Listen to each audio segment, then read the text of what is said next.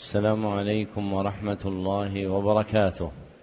الحمد لله الذي جعل الحج مقاما للتعليم وهدى فيه من شاء من عباده إلى الدين القويم وأشهد أن لا إله إلا الله وحده لا شريك له وأشهد أن محمدا عبده ورسوله صلى الله عليه وسلم ما علم الحجاج وعلى آله وصحبه صفوة وفد الحاج. أما بعد فهذا المجلس الثالث في شرح الكتاب الثالث عشر من برنامج تعليم الحجاج في سنته الخامسة سبع وثلاثين وأربعمائة وألف وثمان وثلاثين وأربعمائة وألف وهو كتاب التحقيق والإيضاح لكثير من مسائل الحج والعمرة والزيارة للعلامة عبد العزيز بن عبد الله بن باز رحمه الله المتوفى سنة عشرين وأربعمائة وألف. وقد انتهى بنا البيان إلى قوله فصل في أحكام الزيارة وآدابها. نعم. بسم الله والحمد لله وصلى الله وسلم على نبينا محمد وعلى آله وصحبه أجمعين. اللهم اغفر لنا ولشيخنا وللحاضرين. قال العلامة ابن باز رحمه الله تعالى وغفر له وأعلى درجته فصل في أحكام الزيارة وآدابها وتسن زيارة مسجد النبي صلى الله عليه وسلم قبل الحج وبعده. لما ثبت في الصحيحين عن أبي هريرة رضي الله عنه قال قال رسول الله صلى الله عليه وسلم صلاة في مسجد هذا خير من ألف صلاة فيما سواه إلا المسجد الحرام. وعن ابن عمر رضي الله عنه. إلا المسجد الحرام. وعن ابن عمر رضي الله عنهما أن النبي صلى الله عليه وسلم قال صلاة في مسجد هذا أفضل من ألف صلاة فيما سواه إلا المسجد الحرام رواه مسلم. وعن عبد الله بن زبير رضي الله عنه قال قال رسول الله صلى الله عليه وسلم صلاة في مسجد هذا أفضل من ألف صلاة فيما سواه إلا المسجد الحرام. وصلاة في المسجد الحرام أفضل من مئة صلاة في مسجد هذا. أخرجه أحسن الله عليك أفضل من مئة صلاة في مسجدي هذا.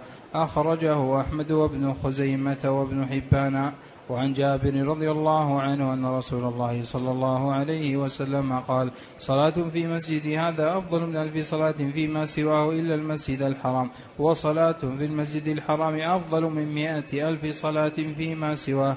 أخرجه أحمد وأبو داود وابن ماجه والأحاديث في هذا المعنى كثيرة. فإذا وصل الزائر إلى المسجد الحرام استحب له أن يقدم رجله اليمنى عند دخوله ويقول بسم الله والصلاة والسلام على رسول الله والصلاة والسلام على رسول الله. أعوذ بالله العظيم وبوجهه الكريم وسلطانه القديم من الشيطان الرجيم. اللهم افتح لي أبواب رحمتك. كما يقول ذلك عند دخول سائر المساجد وليس لدخول مسجده صلى الله عليه وسلم ذكر مخصوص. ثم يصلي ركعتين فيدعو الله فيما فيهما بما أحب من خير الدنيا والآخرة. وإن صلاهما في الروضة الشريفة فهو أفضل لقوله صلى الله عليه وسلم. ما بين بيتي ومنبري روضة من رياض الجنة. ثم بعد الصلاة يزور قبر النبي صلى الله عليه وسلم وقبر صاحبيه أبي بكر وعمر رضي الله عنهما. فيقف تجاه تجاه قبر النبي صلى الله عليه وسلم بأدب وخفض صوت ثم يسلم عليه عليه الصلاة والسلام قائلا السلام عليك يا رسول الله ورحمة الله وبركاته. لما في سنن أبي داود بإسناد حسن عن أبي هريرة رضي الله عنه قال قال رسول الله صلى الله عليه وسلم ما من أحد يسلم علي إلا رد الله علي روحي حتى أرد عليه السلام. حتى أرد عليه السلام وإن قال الزائر في سلامه السلام عليك يا نبي الله السلام عليك يا خير يا خيرة الله من خلقه السلام عليك يا سيد المرسلين وإمام المتقين أشهد أنك قد بلغت الرسالة وأديت الأمانة ونصحت الأمة وجاهدت في الله حق جهاده فلا بأس بذلك لأن هذا كله من أوصافه صلى الله عليه وسلم ويصلي عليه عليه الصلاة والسلام ويدعو له لما قد تقرر في الشريعة لما قد تقرر في الشريعة من شرعية الجمع بين الصلاة والسلام عليه. عملا بقوله تعالى يا أيها الذين آمنوا صلوا عليه وسلموا تسليما. ثم يسلم على أبي بكر وعمر رضي الله عنهما ويدعو لهما ويترضى عنهما. وكان ابن عمر رضي الله عنهما إذا سلم على على الرسول صلى الله عليه وسلم وصاحبيه لا يزيد غالبا على قوله السلام عليك يا رسول الله السلام عليك يا أبا بكر السلام عليك يا أبتاه ثم ينصرف. وهذه الزيارة إنما تشرع في حق الرجال خاصة. أما النساء فليس لهن زيارة شيء من القبور كما ثبت عن النبي صلى الله عليه وسلم أنه لعن زوارات القبور. من النساء والمتخذين عليها المساجد والسرج وأما قصد المدينة للصلاة في مسجد الرسول صلى الله عليه وسلم والدعاء فيه ونحو ذلك مما يشرع في سائر المساجد. فهو مشروع في حق الجميع لما تقدم من الأحاديث في ذلك. ويسن للزائر أن يصلي الصلوات الخمس في المسجد مسجد رسول في مسجد الرسول صلى الله عليه وسلم وأن يكثر فيه من الذكر والدعاء وصلاة النافلة اغتناما لما في ذلك من الأجر الجزيل. ويستحب أن يكثر من صلاة النافلة في الروضة الشريفة لما سبق من من الحديث الصحيح في فضلها وهو قول النبي صلى الله عليه وسلم ما بين بيتي ومنبري روضة من رياض الجنة أما صلاة الفريضة فينبغي للزائر وغيره أن يتقدم إليها ويحافظ على الصف الأول مهما استطاع وإن كان في الزيادة وإن كان في الزيادة القبلية لما جاء في الأحاديث الصحيحة عن النبي صلى الله عليه وسلم من الحث والترغيب في الصف الأول مثل قوله صلى الله عليه وسلم لو يعلم الناس ما في النداء والصف الأول ثم لم يجدوا لا يستهموا عليه لاستهموا متفق عليه. ومثل قوله صلى الله عليه وسلم لأصحابه تقدموا فأتموا بي وليأتم بكم من بعدكم ولا يزال الرجل يتأخر عن الصلاة حتى يؤخره الله. أخرجه مسلم وأخرج أبو داود عن عائشة رضي الله عنها بسند صحيح. أن النبي صلى الله عليه وسلم قال لا يزال الرجل يتأخر عن الصف المقدم حتى يؤخره الله في النار. وثبت عنه صلى الله عليه وسلم أنه قال لأصحابه ألا تصفون كما تصف الملائكة عند ربها؟ قالوا يا رسول الله وكيف تصف الملائكة عند ربها؟ قال يت قال يتمون الصف يتم يتم قال يتمون الصفوف الأول ويتراصون في الصفوف رواه مسلم. والأحاديث في هذا أحسن الله عليك قال يتمون الصفوف الأول ويتراصون في الصف. رواه مسلم. والأحاديث في هذا المعنى كثيرة. وهي تعم مسجده صلى الله عليه وسلم وغيره قبل الزيادة وبعدها. وقد صح عن النبي صلى الله عليه وسلم أنه كان يحث أصحابه على ميامن الصفوف ومعلوم أن يمين الصف في مسجده الأول خارج الروضة فعلم بذلك أن العناية بالصفوف الأول وميامن الصفوف مقدمة على العناية بالروضة الشريفة وأن المحافظة عليهما أولى من المحافظة على الصلاة في الروضة وهذا بين واضح لمن تأمل الأحاديث الواردة في هذا الباب. والله الموفق.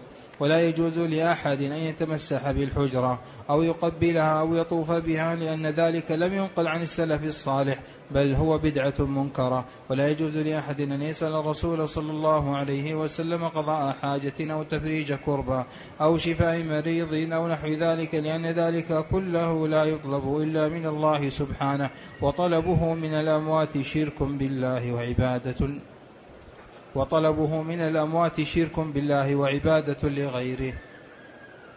ودين الإسلام مبني على أصلين أحدهما ألا يعبد إلا ألا يعبد إلا الله وحده والثاني أن لا يعبد إلا بما شرع الله والرسول صلى الله عليه وسلم. وهذا معنى شهادة أن لا إله إلا الله وأن محمدا رسول الله. وهكذا لا يجوز لأحد أن يطلب من الرسول صلى الله عليه وسلم الشفاعة لأنها ملك الله سبحانه فلا تطلب إلا منه كما قال تعالى قل لله الشفاعة جميعا. فتقول اللهم شفع في نبيك اللهم شفع في ملائكتك وعبادك المؤمنين اللهم شفع في أفراطي. ونحو ذلك. وأما الأموات فلا يطلب منهم شيء لا الشفاعة ولا غيرها سواء كانوا أنبياء أو غير أنبياء لأن ذلك لم يشرع ولأن الميت قد انقطع عمله. إلا مما استثناه الشارع وفي صحيح مسلم عن أبي هريرة رضي الله عنه قال قال رسول الله صلى الله عليه وسلم إذا مات ابن آدم انقطع عمله إلا من ثلاث صدقة جارية أو علم ينتفع, ينتفع به أو ولد صالح يدعو له. وإنما جاز طلب الشفاعة من النبي صلى الله عليه عليه وسلم في حياته ويوم القيامة لقدرته على ذلك.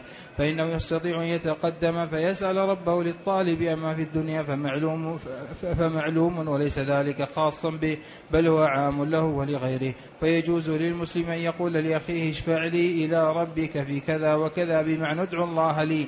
ويجوز للمقول له ذلك أن يسأل الله ويشفع لأخيه. إذا كان ذلك المطلوب مما أباح الله طلبه. وأما يوم القيامة فليس لأحد أن يشفع إلا بعد إذن الله سبحانه كما قال تعالى عند الذي يشفع عنده إلا بإذنه. وأما حالة الموت فهي حالة خاصة فلا يجوز إلحاقها بحال الإنسان قبل الموت ولا بحاله بعد البعث والنشور انقطاع عمل الميت وارتهانه بكسبه.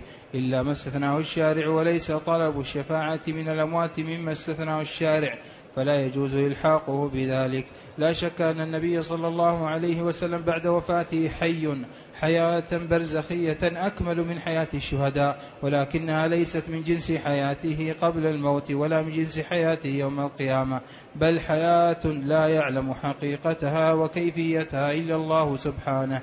ولهذا تقدم في الحديث الشريف قوله عليه السلام ما من أحد يسلم علي إلا رد الله علي روحي حتى أرد عليه السلام.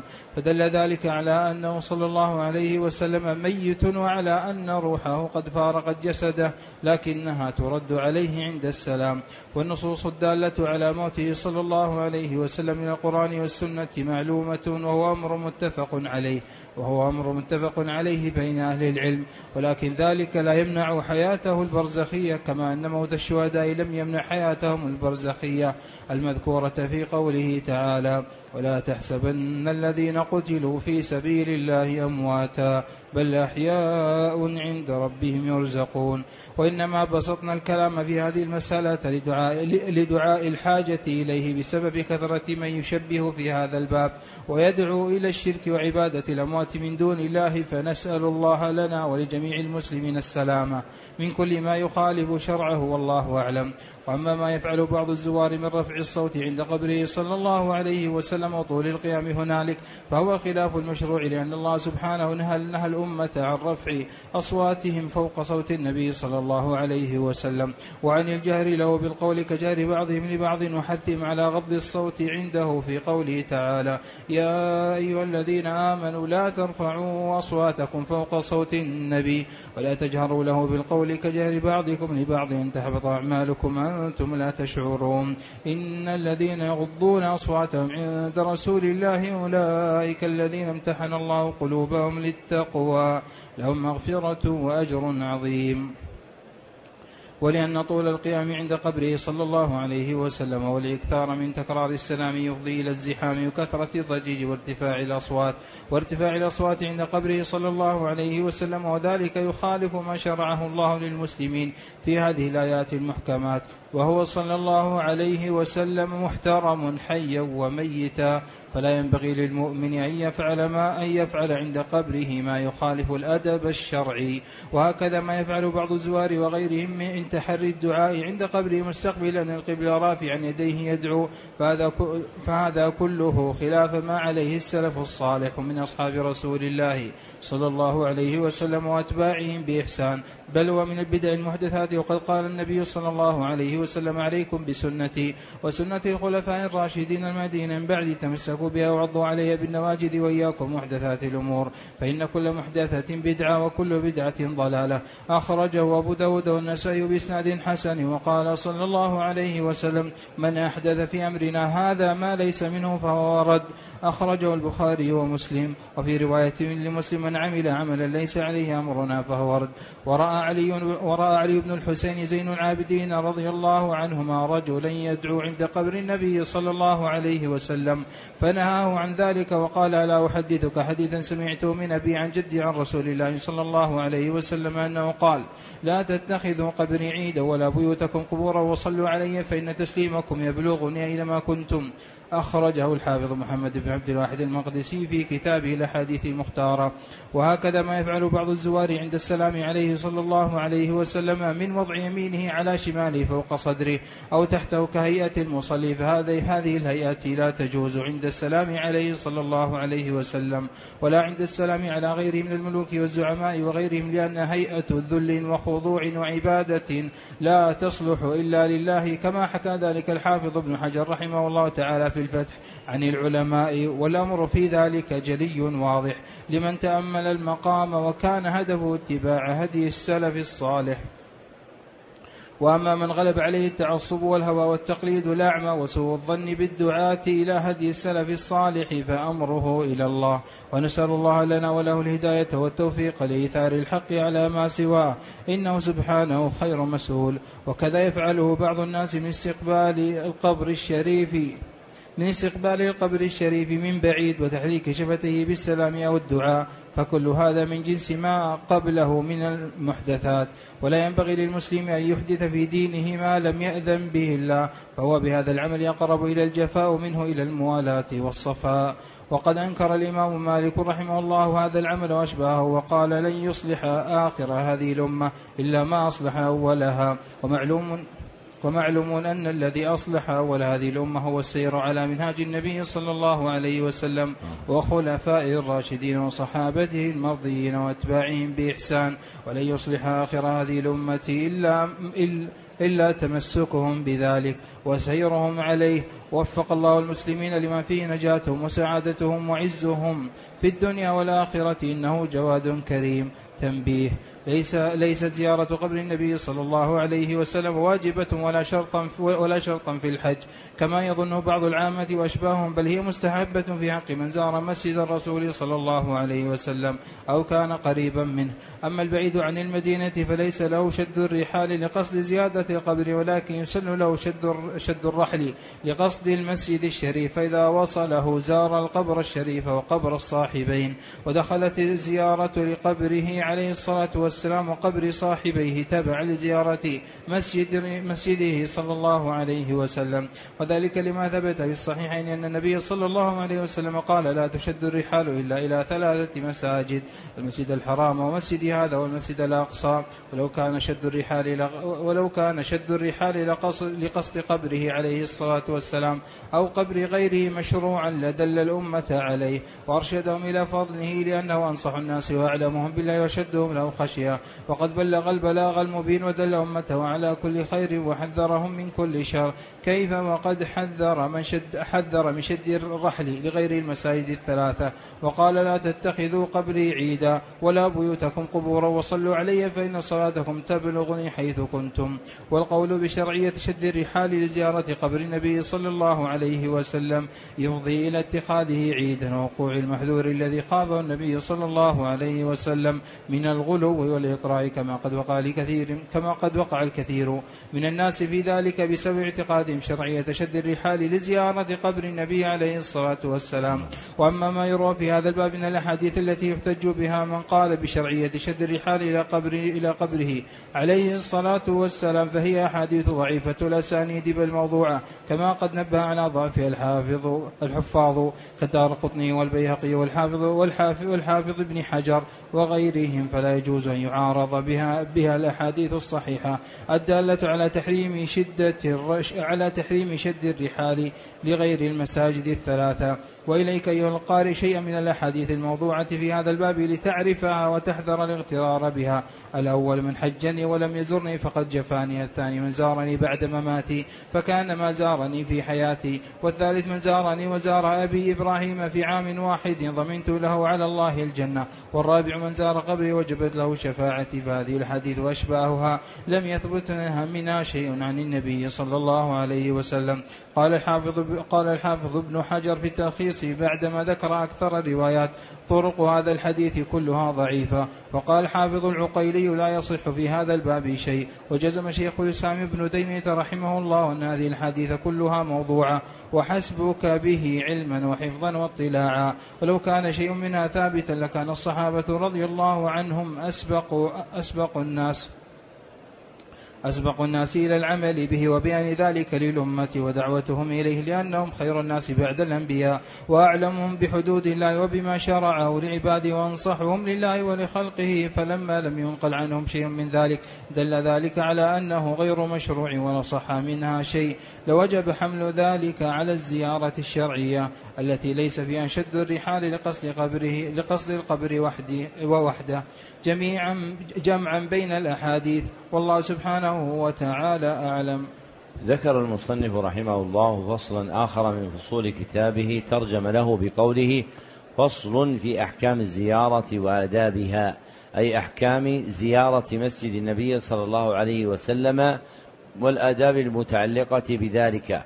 فذكر أنه تسن زيارة مسجد النبي صلى الله عليه وسلم قبل الحج أو بعده ولا تتعين بزمن الحج فله أن يزور مسجد النبي صلى الله عليه وسلم في غير وقت الحج للفضائل الكثيرة الواردة في ذلك وأعظمها كون الصلاة فيه مضاعفة فالصلاة في مسجد النبي صلى الله عليه وسلم أفضل من ألف صلاة فيما سوى. صح هذا من حديث أبي هريرة وابن عمر وجابر وغيرهم رضي الله عنهم. قال فإذا وصل الزائر إلى المسجد أي النبوي استحب له أن يقدم رجله اليمنى كغيره من المساجد ويأتي بالذكر الذي تقدم بيانه. وليس لدخول مسجده صلى الله عليه وسلم ذكر مخصوص. ثم يصلي ركعتين فيدعو الله فيهما بما أحب من خيري الدنيا والآخرة. يصليهما في أي موضع شاء من المسجد. وإن صلاهما في الروضة الشريفة وهي ما بين بيته صلى الله عليه وسلم الذي هو حجرة عائشة ومنبره فهو أفضل لأنها من المسجد العتيق. وجاء فيها حديث في الصحيح ما بين بيتي ومنبري روضة من رياض الجنة. ثم ذكر أنه بعد الصلاة يزور قبر النبي صلى الله عليه وسلم وقبر صاحبيه أبي بكر وعمر. وهذا الموجود اليوم تسميته زيارة على وجه التوسع وإلا فأصله مرور بقبر النبي صلى الله عليه وسلم وقبر صاحبيه. فحقيقة زيارة القبور الدخول عليها. فأنت إذا قصدت مقبرة فدخلت على أهلها صرت زائرا. وإذا مررت خارج حدودها ولو أتيت بالأذكار المشروعة حينئذ لم تسمى زائرا وإنما تسمى مارا. فتسميتها اليوم زيارة باعتبار أصلها الذي كان. فإن النبي صلى الله عليه وسلم قبر في بيته وكان أصحابه يدخلون عليه فيسلمون عليه. فالأثر الوارد أن ابن عمر كان إذا جاء سلم على النبي صلى الله عليه وسلم فقال السلام عليك يا رسول الله ثم قال السلام عليك يا أبا بكر ثم قال السلام عليك يا أبتا يعني عمر إذا دخل عليهم الحجرة لا أنه يكون من خارجها ثم يقول ذلك. فتسميته اليوم زيارة على وجه التوسع في ذلك وإلا فحقيقته أنه يمر بقبر النبي صلى الله عليه وسلم وقبر صاحبيه. وإذا مر سلم عليهما كما يسلم سلم عليهم كما يسلم على القبور. لكن لا فضيلة تختص بقصدهم في الموضع القريب منهم. فالمسلم عليهم في أي مكان كالمسلم عليهم عند ذلك. لأن حقيقة الزيارة غير موجودة حينئذ. وذكر أن الآتي يأتي بعد الصلاة قبر النبي صلى الله عليه وسلم وقبر صاحبيه فيقف تجاه قبر النبي بأدب وخفض صوت ثم يسلم عليه قائلا السلام عليك يا رسول الله ورحمة الله وبركاته لما في سنن أبي داود أن النبي صلى الله عليه وسلم قال ما من أحد يسلم علي إلا رد الله علي روحي حتى أرد عليه السلام. أي أنه صلى الله عليه وسلم قد مات لأنه قال رد الله علي روحي فقد فارقت الروح بدنه صلى الله عليه وسلم لكن يحصل لها رد مناسب لحال البرزخ حينئذ. فحاله التي عليها هو صلى الله عليه وسلم لا تشبه حاله في الحياة الدنيا ولا تشبه حاله الكاملة إذا بعث في الآخرة وصار من أهل الجنة جعل الله وإياكم من أهلها. ثم ذكر أن الزائر إن عظم النبي صلى الله عليه وسلم في سلامه بأي لفظ شاء جاز ذلك. كان يقول السلام عليك يا إمام المتقين أو السلام عليك يا سيد المرسلين أو غير ذلك من ألفاظ التعظيم. ثم يسلم على أبي بكر وعمر ويدعو لهما ويترضى عنهما. ثم ذكر المصنف أن هذه الزيارة إنما تشرع في حق الرجال خاصة أما النساء فليس لهن زيارة شيء من القبور وعلى ما تقدم فهو مرور بهن. وفي صحيح مسلم أن النبي صلى الله عليه وسلم علم عائشة ما تقوله عند القبور يعني إذا مرت بأهلها. فهذا من جنس ذلك أن للنساء أن يمررن إزاء قبره صلى الله عليه وسلم وقبر صاحبيه فيسلمن عليه وعلى صاحبيه ويدعون بالذكر ويدعين بالذكر الوارد عند المرور بالمقابر. ثم قال رحمه الله وأما قصد المدينة للصلاة في مسجد رسول الله صلى الله عليه وسلم والدعاء فيه ونحو ذلك مما يشرع في سائر المساجد فهو مشروع في حق الجميع. لا فرق بين الرجال والنساء. قال ويسن للزائر أن يصلي الصلوات الخمس في مس أن يصلي الصلوات الخمس في مسجد الرسول صلى الله عليه وسلم وأن يكثر فيه من الذكر والدعاء وصلاة النافلة اغتناما لما في ذلك من الأجر الجزيل. ثم ذكر أنه يستحب أن يكثر من النافلة في الروضة الشريفة لأنها من جملة المسجد العتيق. والصلاة فرضا ونفلا في أصح قولي أهل العلم تضعف في المسجد النبوي كما تضعف في المسجد الحرام. ثم ذكر أن صلاة الفريضة ينبغي للزائر أن يتقدم إليها يعني بأن يأتي في الصفوف الأولى وإن كان المسجد العتيق صار وراء ظهره. للأحاديث الكثيرة في فضل الصفوف الأول. فالصف الأول والثاني والثالث والرابع والخامس مما هو متقدم عن المسجد القديم الآن هو أفضل من أن يتأخر الإنسان فيصير في الصفوف المؤخرة. ثم ذكر المصنف رحمه الله أنه لا يجوز لأحد أن يتمسح بالحجرة. أو يقبلها أو يطوف بها لأن ذلك لم ينقل عن السلف الصالح بل هو بدعة منكرة أنكرها أهل العلم. ولا يجوز لأحد أن يسأل الرسول صلى الله عليه وسلم قضاء حاجة أو تفريج كربة أو شفاء, شفاء مريض لأن الذي يسأل هو الله وحده. وعند الترمذي بإسناد حسن أن النبي صلى الله عليه وسلم قال لابن عباس إذا استعنت فاستعن بالله وإذا سألت فاسأل الله. فالعبد مأمور أن يسأل الله سبحانه وتعالى ومنهي عن دعاء المخلوقين. ولو كان ذلك المدعو هو الرسول صلى الله عليه وسلم. وعند الأربعة بإسناد صحيح أن النبي صلى الله عليه وسلم قال الدعاء هو العبادة أي حقيقة توجهك إلى أحد بأن تدعوه هو عبادة له فهو منهي عنه أشد النهي. ومن جملة ذلك أنه لا يجوز لأحد أن يطلب من الرسول صلى الله عليه وسلم الشفاعة لأنها ملك لله. قال تعالى قل لله الشفاعة جميعا. فيسأل الله وحده الشفاعة فتقول اللهم شفع في محمدا صلى الله عليه وسلم أو تأتي بالأعمال الصالحة التي تستحق بها شفاعة النبي صلى الله عليه وسلم كالصلاة عليه صلى الله عليه وسلم بعد الأذان وسؤال الوسيلة له فإن من قال ذلك حلت له شفاعة, شفاعة النبي كما ثبت ذلك في صحيح مسلم. وأما دعاؤه الشفاعة كأن يقول القائل يا رسول الله أو يا نبي الله اشفع لي أو كن شفيعا له فهذا من الشرك الذي نهينا عنه. ثم قال رحمه الله وإنما جاز طلب الشفاعة من النبي صلى الله عليه وسلم في حياته ويوم القيامة لقدرته على ذلك أي أنه في حال الحياة كان يسأل ذلك وفي يوم القيامة يكون له قدرة على ذلك. ففي الدنيا معلوم ذلك وليس خاصا به بل كل أحد تقدر على أن تأتيه وتقول له اشفع لي عند الله. يعني ادعو الله لي فحقيقة الشفاعة سؤال الشافع الله شيئا للمشفوع له بأن يدعي الله له ويتحرى في ذلك رجلا صالحا. وإن كان الأكمل أن يسأل العبد ربه سبحانه وتعالى ولا يلتمس أن يسأل غيره الدعاء له عند الله سبحانه وتعالى. فإن أكابر الصحابة كأبي بكر وعمر وعثمان وعلي رضي الله عنهم لم يسألوا النبي صلى الله عليه وسلم الدعاء وإنما سأله آحاد من الصحابة دونه في الرتبة. فالدرجة الكاملة أن تدعو الله سبحانه وتعالى بنفسك.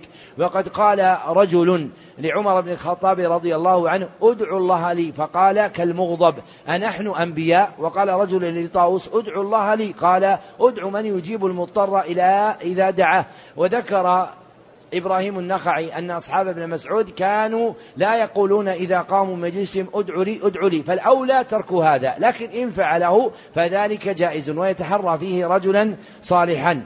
قال وأما حالة الموت فهي حالة خاصة لا يجوز إلحاقها بحال الإنسان قبل الموت.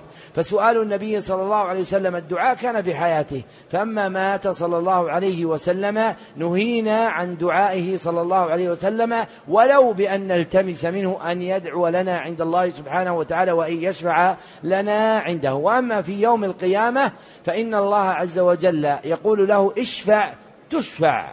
وسل تعطى. فالله يأذن له بالشفاعة حينئذ لقدرته صلى الله عليه وسلم عليها. ثم قال المصنف وأما ما يفعله بعض الزوار من رفع الصوت عند قبره صلى الله عليه وسلم وطول القيام هناك فهو خلاف المشروع. يعني لا ينبغي للإنسان أن يرفع صوته عند النبي صلى الله عليه وسلم. قال عمر رضي الله عنه عند البخاري إن الأصوات لا ترفع في مسجد النبي صلى الله عليه وسلم. وقد قال الله تعالى يا أيها الذين آمنوا لا ترفعوا أصواتكم فوق صوت النبي ولا تجهروا له بالقول كجهر بعضكم لبعض أن تحبط أعمالكم وأنتم لا تشعرون. فينبغي أن يتحرى الإنسان الأدب مع النبي صلى الله عليه وسلم حيا وميتا ولا يطيل القيام عنده لأن المقصود هو السلام. فيسلم ثم ينصرف.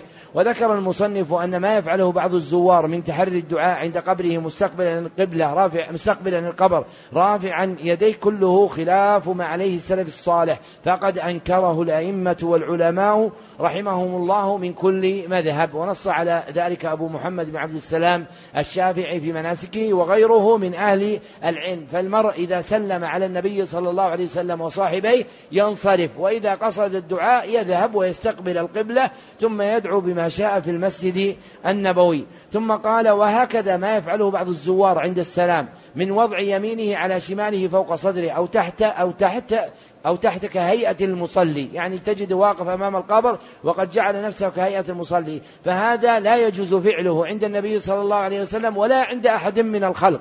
لأن هذه هيئة تختص بكونها بين يدي الله في الصلاة. قال الإمام أحمد وضع اليمين على الشمال ذل بين يدي عزيز. ويقتصر ذلك على فعله لله عز وجل. وقد أنكره العلماء كما ذكره ابن حجر الشافعي المصري أن يفعل ذلك لأحد سوى الله سبحانه وتعالى. ثم ذكر أن ما يفعله بعض الناس من استقبال القبر الشريف من بعيد وتحريك شفتيه بالسلام أو الدعاء فكل هذا من جنس غيره من المحدثات. ولا ينبغي للعبد أن يحدث في دين الله ما لم يأذن به. ولا يصلح هذه الأمة إلا ما كان عليه أولها.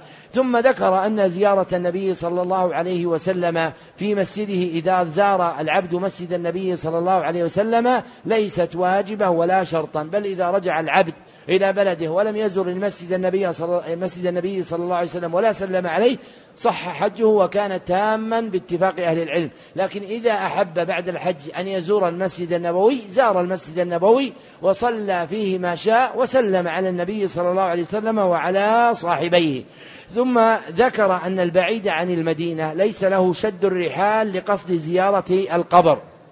وإنما يسن شد الرحال لقصد المسجد لأن النبي صلى الله عليه وسلم قال لا تشد الرحال إلا إلى ثلاثة مساجد وذكر منها مسجده. ومعنى هذا الحديث لا تشد الرحال تعظيما لبقعة من الأرض إلا أن يشد أن يشد الإنسان الرحال إلى هذه المساجد الثلاثة، فلو أراد الإنسان أن يخرج إلى مصر أو إلى الشام أو إلى العراق لأجل بقعة يعظمها هناك كان هذا غير جائز، لكن إن ذهب لأجل الزيارة أو طلب العلم أو التجارة فهذا جائز. وهذا ليس داخلا في الحديث. الحديث المذكور معناه لا تشد الرحال تعظيما لبقعة أي لإرادة تعظيم بقعة من الأرض إلا إلى هذه المساجد الثلاثة.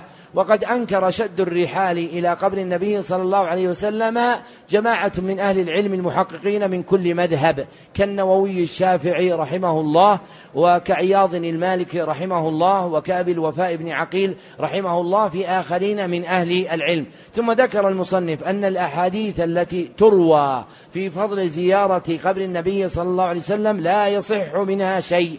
نبه على ذلك الحفاظ قديما كالدار قطني والبيهقي وابن حجر العسقلاني رحمهم الله تعالى فكل هذه الأحاديث التي تسمعون من حج البيت ولم يزرني فقد جفاني وحديث من زارني في المن بعد مماتي كمن زارني في حياتي وحديث من زار قبري وجبت له شفاعتي فكل هذه أحاديث لا تصح. قال ابن حجر المصري الشافعي قال طرق هذه الأحاديث كلها ضعيفة وقال الحافظ العقيلي لا يصح منها شيء عن النبي صلى الله عليه وسلم ولو كان منها شيء ثابتا لسبقنا إليه الصحابة. ولو صح منها شيء لحمل على زيارته صلى الله عليه وسلم بعد زيارة مسجده. فالأحاديث المتواترة الصحيحة هي التي فيها فضل المدينة وفيها فضل زيارة مسجد النبي صلى الله عليه وسلم. نعم. قال رحمه الله فصل في استحباب زيارة مسجد قباء والبقيع. يستحب لزائر المدينة أن يزور مسجد قباء ويصلي فيه لما في الصحيحين من حديث ابن عمر رضي الله عنهما قال كان النبي صلى الله عليه وسلم يزور مسجد قباء راكبا وماشيا ويصلي فيه ركعتين. وعن سهل بن وعن سهل بن حنيف رضي الله عنه قال قال رسول الله صلى الله عليه وسلم من تطهر في بيته ثم أتى مسجد قباء فصلى فيه صلاة كان له كأجر عمرة ويسن له زيارة قبور البقيع وقبور الشهداء وقبر حمزة رضي الله عنه لأن النبي صلى الله عليه وسلم كان يزورهم ويدعو لهم. ولقوله صلى الله عليه وسلم زوروا القبور فإنها تذكركم الآخرة. أخرجه مسلم. وكان النبي صلى الله عليه وسلم يعلم أصحابه إذا زاروا القبور أن يقولوا السلام عليكم أهل الديار من المؤمنين والمسلمين. وإنا إن شاء الله بكم لاحقون. نسأل الله لنا ولكم العافية. أخرجه مسلم من حديث سلمان بن سلمان بن بريدة عن أبيه. وأخرج الترمذي سليمان. أحسن الله عليك من حديث سليمان بن سليمان بن بريدة عن أبيه وأخرج الترمذي عن ابن عباس رضي الله عنهما قال مر النبي صلى الله عليه وسلم بقبور المدينة فأقبل عليهم بوجهه فقال السلام عليكم يا أهل القبور يغفر الله لنا ولكم وأنتم سلفنا ونحن بالأثر. ومن هذه الأحاديث يعلم أن الزيارة الشرعية للقبور يقصد منها تذكر الآخرة والإحسان إلى الموتى والدعاء لهم والترحم عليهم. فأما زيارتهم لقصد الدعاء عند قبورهم أو العكوف عندها أو سؤالهم قضاء الحاجات أو شفاء المرضى أو سؤال الله بهم أو بجاههم ونحو ذلك فهذه زيارة بدعية منكرة لم يشرعها الله ولا رسوله ولا فعلها السلف الصالح رضي الله عنهم بل هي من بل هي من الهجر الذي نهى عنه الرسول صلى الله عليه وسلم حيث قال زوروا القبور ولا تقولوا هجرا. وهذه الأمور وهذه وهذه الأمور المذكورة تجتمع في كونها بدعة. ولكنها مختلفة المراتب فبعضها بدعة وليس بشرك. دعاء الله سبحانه عند القبور وسؤاله بحق الميت وجاهه ونحو ذلك. وبعضها من الشرك الأكبر كدعاء الموتى والاستعانة الاستعانة بهم ونحو ذلك. وقد سبق بيان هذا مفصلا فيما تقدم. فتنبه واحذر وأسأل, وأسأل ربك التوفيق والهداية للحق. فهو سبحانه الموفق والهادي لا إله غيره ولا رب سواه. هذا آخر ما أردنا إملاءه والحمد لله أولا وآخرا وصلى الله وسلم على عبده ورسوله وخيرته من خلقه محمد وعلى آله وأصحابه ومن تبعهم بإحسان إلى يوم الدين. ختم المصنف رحمه الله بفصل ترجم له بقوله فصل في استحباب زيارة مسجد قباء والبقيع. هو كالمتمم للفصل المتقدم. فذكر أن زائر المدينة يستحب له أن يزور مسجد قباء ويصلي فيه. لما ثبت من الفضل في ذلك فإن النبي صلى الله عليه وسلم كان يأتيه راكبا وماشيا وكان يعتاد زيارته كل سبت يعني كل أسبوع فيصلي فيه ركعتين. وفضل ذلك يبلغ أجر العمرة. قال ويسن له زيارة قبور البقيع وقبور الشهداء وقبر حمزة رضي الله عنه لأن النبي صلى الله عليه وسلم كان يزورهم ويدعو لهم. فمن أتى المدينة وزار مسجد النبي صلى الله عليه وسلم استحب له أن يزور البقيع وقبور الصحابة رضي الله عنهم وخاصة حمزة لأن النبي صلى الله عليه وسلم كان يزورهم. والمقصود من الزيارة هو تذكر الآخرة والدعاء لهم رضي الله عنهم ويدعو لهم بما جاء في الأحاديث الصحيحة عن النبي صلى الله عليه وسلم في السلام على أهل القبور كقوله السلام عليكم أهل الديار من المؤمنين والمسلمين إلى تمامه. ولا يقصد هذه القبور لأجل دعاء الله عندها ولا لأجل دعاء أهلها فلا يتعمد أن يذهب إلى هذه القبور ليدعو الله هناك فإن هذه بدعة فإنه لا يقصد فإنه لا تقصد القبور ابتغاء بركتها لدعاء الله عندها.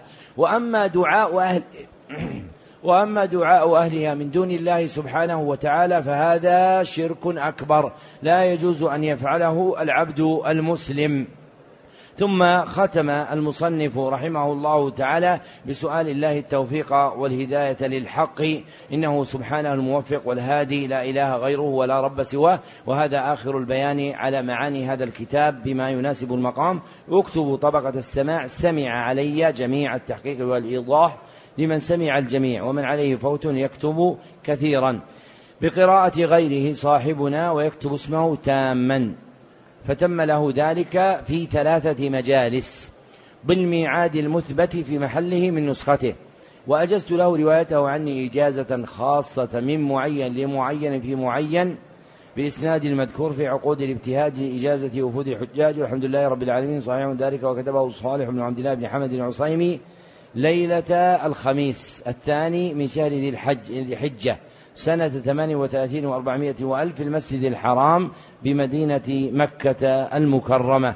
وبهذا نكون قد فرغنا بحمد الله من برنامج تعليم الحجاج وهو برنامج يعقد كل سنة في خمسة أيام في المسجد الحرام في هذا المكان بإذن الله تعالى.